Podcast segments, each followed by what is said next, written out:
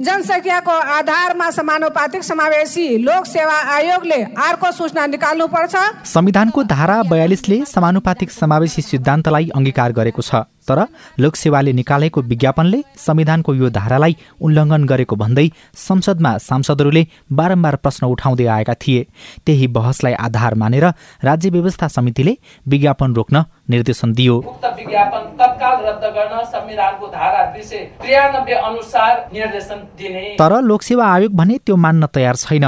प्रदेशको लोकसेवा आयोग गठन नभएसम्म केन्द्रको लोकसेवाले नै कर्मचारी व्यवस्थापन गर्ने कर्मचारी समायोजन कानून हेरेरै विज्ञापन खोलेको लोकसेवा आयोगका प्रवक्ता किरण राज शर्मा तर्क गर्नुहुन्छ। समायोजन ऐनको दफा बाह्रमा स्थानीय तह खुलाई विज्ञापन प्रकाशन गर्नुपर्ने भन्ने एउटा प्रबन्ध। त्यही दफामा सम्बन्धित स्थानीय तहमा नै किटानी गरेर सिफारिस गर्नुपर्ने भन्ने अर्को प्रबन्ध र कानुनी व्यवस्थालाई टेकेर गरेको निर्णय संविधानको धारा दुई सय एक्काइसले स्थानीय तहको व्यवस्थापकीय अधिकारबारे व्यवस्था गरेको छ।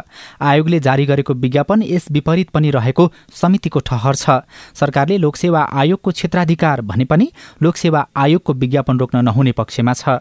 संसदीय समिति ठिक या लोकसेवा आयोग? संविधानविद टिकाराम भट्टराई भन्नुहुन्छ। अदालत बाहेक राज्यका सबै निकायहरू संसदप्रति जवाफदेही र उत्तरदायी हुन्छन्। संसदीय समितिले लोकसेवा आयोग र निर्देशन दिने कुरा सैद्धान्तिक रूपमा गलत होइन। तर तिमी करारमा नियुक्ति गर भनेको चाहिँ अन्तरिम प्रकृतिको आदेश भयो। यस्तो खालको अन्तरिम प्रकृतिको आदेश चाहिँ अदालतबाट मात्रै जारी हुन्छ। संसदीय समितिले आफ्नो क्षेत्राधिकार अलिकति नबुझेको जस्तो लाग्छ। विषयवस्तु अलिक सङ्गतिपूर्ण देखिँदैन। लोकसेवा आयोगले खोलेको विज्ञापनमा त्रिहत्तर हजार भन्दा बढीले आवेदन दिएका छन्।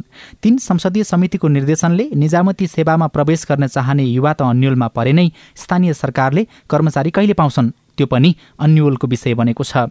अब करारमा कर्मचारी राख्न स्थानीय सरकारलाई भर्ती केन्द्र बनाउने जोखिम पनि बढेको छ।